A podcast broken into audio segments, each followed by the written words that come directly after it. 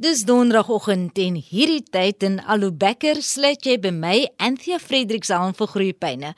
Oor alles en nog wat wat ons voorskoolse kinders aanbetref. Ons steek kers op by kundiges, gesels met mense wat passievol is oor die welstand van ons klein mensies en kuier lekker saam.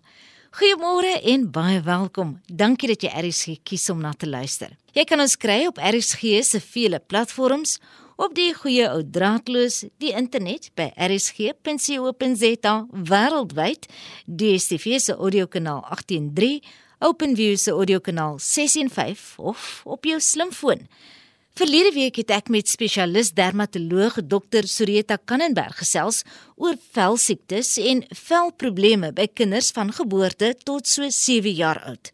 Dr Kannenberg is veral passievol oor die behandeling van ekseem en sy het heelwat hieroor uitgebrei. Nou hierdie week sit ons ons gesprek voort om onder meer ook oor ander velprobleme of sommer net 'n veluitslag of twee te praat. Maar kom ons vat eers saam oor wat ekseem is en die behandeling daarvan. Ekseem is 'n genetiese is eintlik 'n genetiese toestand. Ons weet nou al al hoe meer en meer van die genetika. So dit is 'n erflike ding. Uh 'n ding wat ek nogals baie by ouers kry dan is hulle sê maar ek het nie self ekseem nie of die kind se pa het byvoorbeeld nie ekseem nie. Ehm um, maar partykeer het 'n mens daai genetiese inligting in jou liggaam, dis net nie aangeskakel nie. Dit is ook 'n toestand wat baie algemeen oorgeerf word saam met hooikoors, sinusitis, allergiese oogies, asma en soms ook voedselallergieë, veral in die kleintjies. Dis ongelooflik algemeen, al hoe meer en meer ongelukkig. Waarskynlik maar te doen met besoedeling eintlik, is die een ding. En die ander ding is is dat mense meer geneig is om al hoe meer en meer na die stede se kant toe te trek. Ja, so ons sien uh, ekseem al hoe meer en meer. Ehm um, dit is 'n inflammasie van die vel, eintlik 'n genetiese geneigtheid tot 'n droë vel en tot 'n ooraktiewe immuunstelsel in die vel eintlik. Die meeste van die kindertjies sal dit ontwikkel reeds voor die ouderdom van skool toe gaan en dan as hulle dit ontgroei, meeste kinders ontgroei dit, maar as hulle dit ontgroei dan sal dit by die ouderdom van puberteit wees wanneer hulle vel so 'n bietjie meer olierig begin raak. Die ding is mense kan ongelukkig op hierdie dag en datum kan ons nog nie ekseem gesond maak nie. Ons kan dit nie wegvat nie, maar dit is 'n ding wat ons kan beheer met algemene maatreëls. Soms het ons 'n medikasie of twee nodig, maar die belangrikste is die algemene maatreëls eintlik. En dan sommige kindertjies, as hulle dit verskriklik erg het, natuurlik, dan het hulle nou maar spesialistversorging nodig. Ehm uh, maar daar is so wonderlike goed wat ons deesdae kan doen daarvoor gewone standaardbehandelings wat oral beskikbaar is. Ehm um, en dan natuurlik baie gespesialiseerde medikasies ensvoorts wat nou ehm um, in die ontwikkeling is. So ehm um, ja, dit is 'n uh, baie uh, opwindende tyd vir ekseem wat nou voorlê eintlik. So is daar verskeie hm. grade van ekseem? Ja. Ja, ja, daar is definitief. Daar is ehm um, ons kyk maar gewoonlik as ons kyk na die verskillende grade van ekseem, dan kyk ons na die hoeveelheid van die liggaam wat aangetast is, maar ons kyk na meer as dit. Want partykeer het hulle byvoorbeeld sê nou net 'n ooglid ekseem wat 'n klein deel is van die liggaam wat aangetast is, maar dit affekteer hulle lewens so verskriklik, so die kwaliteit van lewe wat aangetast is. Dan sal ons ook daar in, in daai geval vir jou is 'n klein deel van jou liggaam wat aangetast is, sal ons dan nog steeds sê dis 'n baie erge graad van ekseem. Die algemene versorging van die vel, die algemene maatreëls is van toepassing op alle grade van ekseem. En en ons kan eintlik deur die algemene versorging van die vel mooi aan te spreek en mooi daai deel te doen wat ons kan doen by die huis, kan ons regtig hulle graad van ekseem afbring. Ons kan hulle reeds veel beter kry met met die algemene versorging. Nou die algemene versorging is die goedjies wat ons nou reeds bespreek het eintlik. So kort in die bad, nie meer as een keer 'n dag nie. Nie seep wat skuim nie. Water moenie te warm wees nie. En dan wanneer hulle uit die water uit is, liggies net droog maak met sagte hande en 'n vogroom so vinnig as moontlik um, op hulle kry. In die volgrome, in daai geval, as ons kyk na na kinders wat wel velprobleme het, wel ekseem het, dan moet 'n mens ten minste twee keer 'n dag 'n volgroom op daai velletjies kry. En dan hoe erger hulle ekseem word, dan hoe meer gereeld sal 'n mens dan die volgroom gebruik. 3 tot 4 keer 'n dag. Nou ek weet dit is nogal die tyd wat 'n mens moet spandeer daaraan raak dan al hoe meer en meer. En en 'n kind met erge ekseem kan 'n absolute voltydse werk wees vir 'n ouer. So ehm um, die meeste mense dink aan ekseem 'n kolletjie hier, 'n kolletjie daar, maar natuurlik dat ongelukkig dit kan die lewe van die hele gesin affekteer. En ons almal weet dat as 'n kind nie slaap nie, gaan die gesin nie slaap nie, né? So dit is belangrik om maar te weet dat dit so erg kan wees en dat 'n mens iets kan doen daaraan. As dit nou 'n erge ekseem is, is dit 'n duur proses wat geloop mm. word finansiëel oor 'n mm. aantal jare? Absoluut, absoluut. Ongelukkig in Suid-Afrika is ekseem nie 'n uh, 'n PMB vir die mediese fondse nie. So sommige mediese fondse dek dit wel, maar ehm um, die meerderheid van gevalle uh, dek mediese fondse dit nie. Natuurlik by staatshospitale, ongelukkig, ek kan nie van provinsie tot provinsie praat nie. In die Wes-Kaap is ons geneig om redelik gelukkig te wees om genoeg goeie produkte te hê. Alhoewel daar is maar ongelukkig ehm um, altyd weet hier en daar wat 'n uh, ekstra volgroompie aangekoop moet word. Daar's direkte kostes en indirekte kostes. So direkte kostes van die medisyne en van die produkte, van die velprodukte, maar dan sal allerlei indirekte goed soos jy moet kleertjies koop, katoenklere koop wat miskien 'n bietjie duurder is. Jy moet kyk na klere koop om om die areas toe te maak sodat mense nie die hele tyd vir jou vra wat gaan aan op jou vel nie. So sulke tipe goed en dan indirekte goed soos ouers wat die dag nie kan werk toe gaan nie of selfs al kan hulle werk toe gaan het hulle die hele nag nie geslaap nie en dan is hulle nie uh, van veel uh, waarde by die werk nie. So so daar's daar's allerlei direkte en indirekte kostes ongelukkig wat maar uit uh, ekseem spruit. En dis maar vir al die slegte gevalle kyk ons het maar net 200 dermatoloë in die hele land maar dit is maar belangrik om by 'n spesialis dermatoloog allergie spesialis byvoorbeeld uit te kom as hulle kan om, om 'n bietjie hulp te kry Dit klink na 'n uitmergelende saak mm. dokter Kannenberg. Absoluut. Die emosionele impak sekerlik is ook groot, nie net op die mm. kind nie, maar ook op ouers en mm. die gesinsdinamika word deur dit alles geraak. Soms ja. as as daardie pasiënt nou met jou 'n pad loop dokter Kannenberg, verwys jy soms pasiënte wel om dan 'n ander persoon te gaan sien, 'n kenner ook, 'n beraader of 'n sielkundige om hulle te help om hierdie stryd te verwerk? Absoluut, absoluut. Dit is bitter belangrik. Ons weet dat in kinders byvoorbeeld met ekseem, ons weet dat hulle meer geneig is tot ADHD, uh aandag afleibaarheid, ekskuus. So hulle is geneig tot dit, hulle is geneig tot depressie, tot angstigheid. Uh, ons probeer dit nou uh aanspreek weet dit is nog maar soos ek sê my belangstelling. So ons het 'n uh, Facebook en op Instagram het ons nou 'n uh, atopiese dermatitis ondersteuningsgroep waar ons so 3 keer 'n jaar wat ons 'n uh, um, wit live feeds doen. Ehm um, en wat ons uh, experts in die veld kry om om te praat daaroor. Ons het al 'n paar allergie spesialiste gehad. Ons het altyd 'n pasiënt daarop. Want daai ondersteuningsgroep is so verskriklik belangrik glo ek. So hulle kan um, enige tyd daarbey inskakel. Ons het so 3 boodskapies 'n week wat ons uitstuur daarop. Ons het nog nie kans gesien om op te gaan TikTok toe nie. Ek is nou vol nog 'n bietjie te oud vir daai. Maar Instagram en Facebook het ons daarom al daai.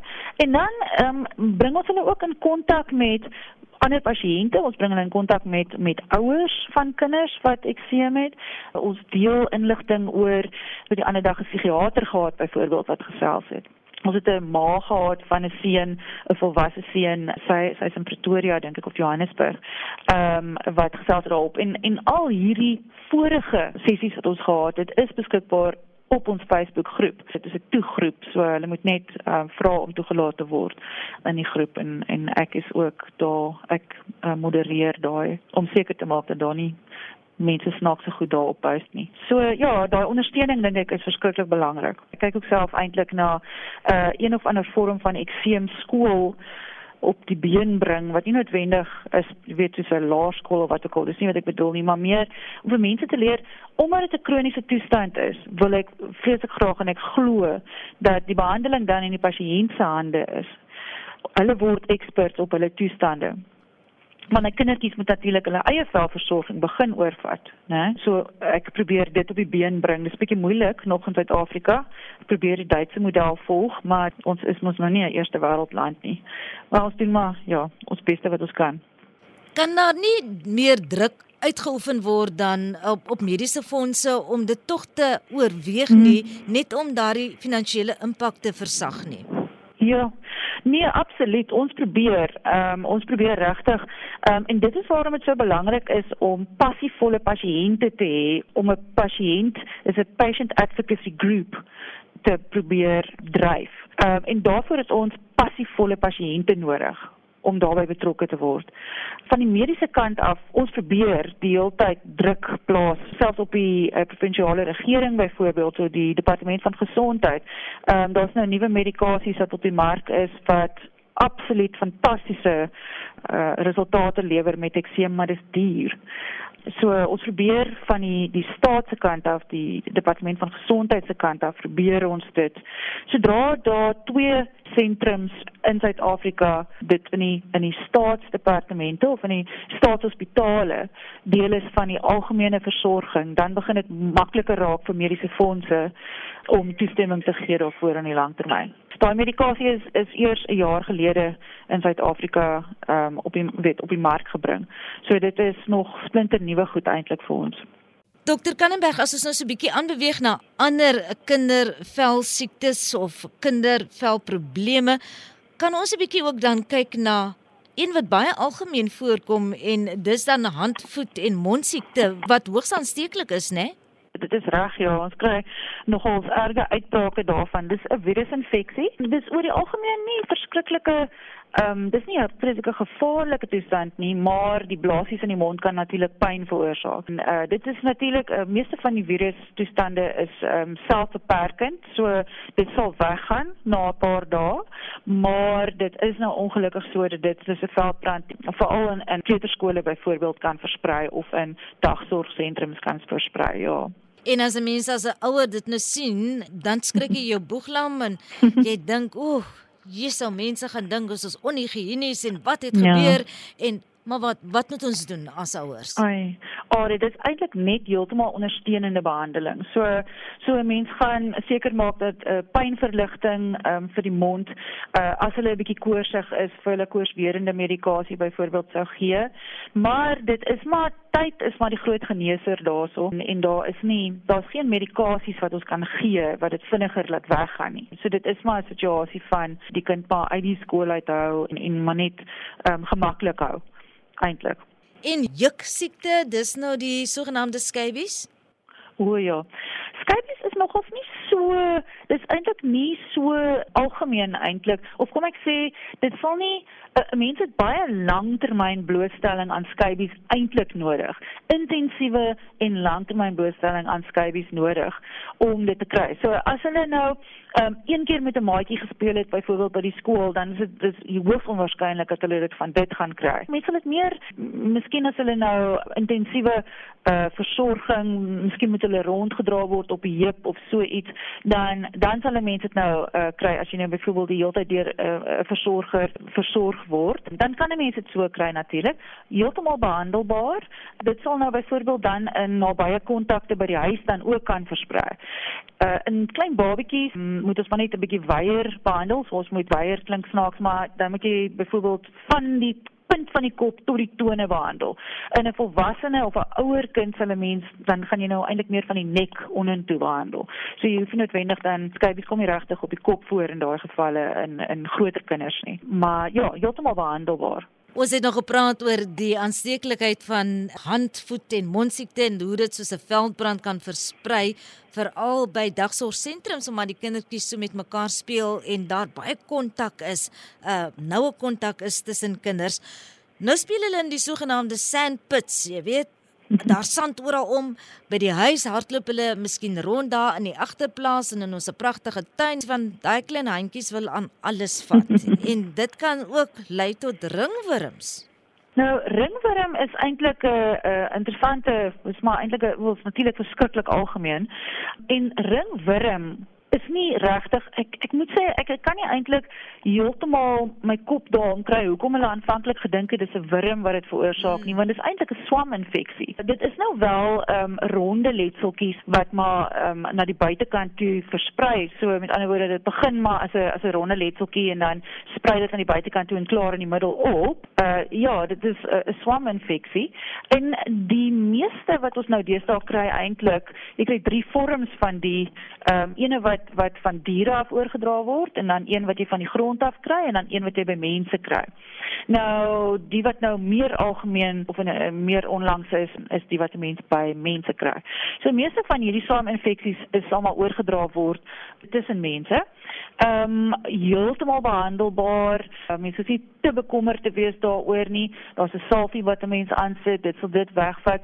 Die wat 'n mens by diere kry is soms baie meer ehm um, dit lyk baie meer kom ek sê dit lyk baie erger want dan hulle kan soms baie inflammasie veroorsaak soms selfs etterige letseltjies veroorsaak.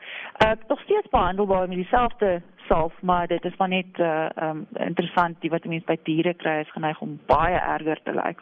Net kortliks iets sê oor waterpokkies uh, omdat dit dan ook 'n bepaalde hmm. Uitslag op die vel veroorsaak en dan was daar onlangs 'n uh, uitbraak van masels in die noorde van ons land waarna moet ons kyk as ouers hmm. en hoe moet ons dit hanteer ja Ehm um, waterpokkies is natuurlik geweldig algemeen hierdie tyd van die jaar veral wanneer ons die oorgang van seisoene het. Ehm um, dit is maar 'n kindersiekte. Daar is 'n uh, 'n vaksin wat 'n mens kan ge gebruik daarvoor wat gaan maak dat die kindertjies minder erg uh, die toestand minder erg kry. Beteken nie hulle gaan dit glad nie kry nie. Dit beteken net hulle kan dit uh, baie minder erg kry. Dit is nie deel van die staat se ehm um, vaksinasie vir kinders nie. Oor die algemeen is dit mos maar ehm um, blaasies wat oorgaan dan in roofies en dit is gewoonlik in verskillende fases. So jy sal blaasies kry, maar jy sal ook roofies kry. En terwyl jy die blaasies en die roofies het, het is jy maar nog aansteeklik. Jy kan 'n koors kry natuurlik saam met dit. Dit kan soms in die mond wees. Dit begin baie algemeen agter die ore en dan strek dit dan loop dit so oor die lyfie voor oor die kop en dan af tot by die voete. So gewoonlik sal die lettertjies op die voete sal laaste ontwikkel en ook laaste opklaar kan lelike merke veroorsaak. Dit is natuurlik ongelukkig so. Ehm um, wat beter word met tyd, maar uh partykeer kan dit ongelukkig lelike merke maak soos ek sê. Dan masels, met masels gaan ons dit begin interessant genoeg ook agter die ore en dan sprei dit ook voor voor oor die kop en dan uh ook af in die in die lyf. So meeste virusse doen maar dit. Ehm um, kan dit ook in die mond kry. Ons kry ehm um, kolletjies in die mond wat ons Koplik spots noem wat wat deel is van masels. Masels is ook heeltemal voorkombaar en in die verlede toe daar beter vaksinasies was, uh was masels minder van 'n probleem, maar mense is geneig om hulle vaksinasies te mis nou ongelukkig. En ehm um, dit is dan ook waar hierdie tipe uitbrake dan vandaan kom. Met masels sien 'n mens meer ons noem dit maar 'n morbiliforme uitslag. Dit beteken dit is 'n uh, platterige rooi ehm um, letseltjies wat klein rooi letseltjies wat dan aan mekaar versmelt. Masels kan baie gevaarlik wees. So mense kan inflammasie van die brein kry van dit. Die velletsel self is nie 'n groot probleem nie. Soos wat hulle gesond word, kan hulle 'n bietjie afskilfer. Die ander sisteme wat aangetast kan word, veral dan ehm um, enkefalitis, so inflammasie van die brein. Dit is die grootste probleem en dat jy permanente breinskade kan kry van dit ook byvoorbeeld. So ja, uh, ook maar 'n velsiekte, ook maar 'n skiese kindersiekte wat heeltemal voorkombaar is, soos ek sê. Watter rol speel die eet in dit alles Dr Kannenberg wanneer dit kom by 'n gesonde vel en die hmm. handhawing van 'n gesonde vel? Hmm. 'n Gesonde dieet is maar soos in alles belangrik.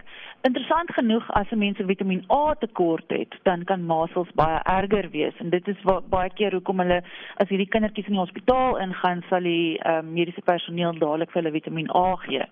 Maar 'n uh, algemene goeie dieet is maar belangrik um, vir 'n gesonde vel. As 'n mens 'n Vitamiin C tekort het, dan kry 'n mens skeurbuik byvoorbeeld en 'n mens kry dit nog steeds deesdae meer so in in bejaardes meer um, wat nie goeie dieete volg nie, meer so as kinders.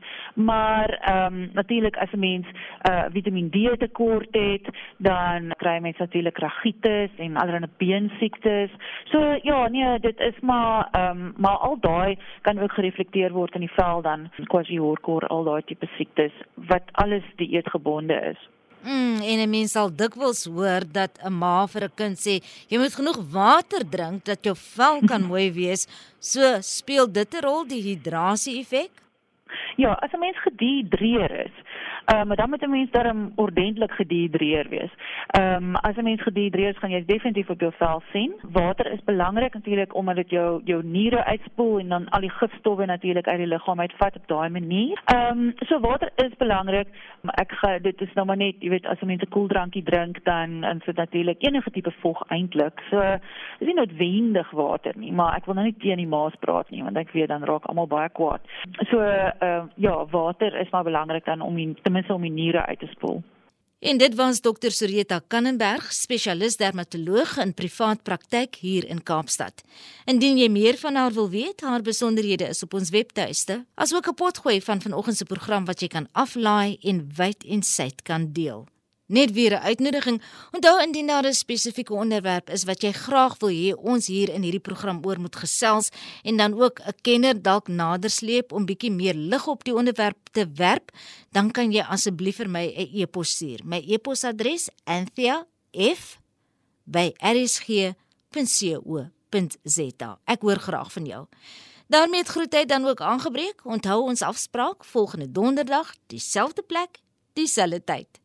Ek Anthea Fredericks groet tot dan. Mooi bly.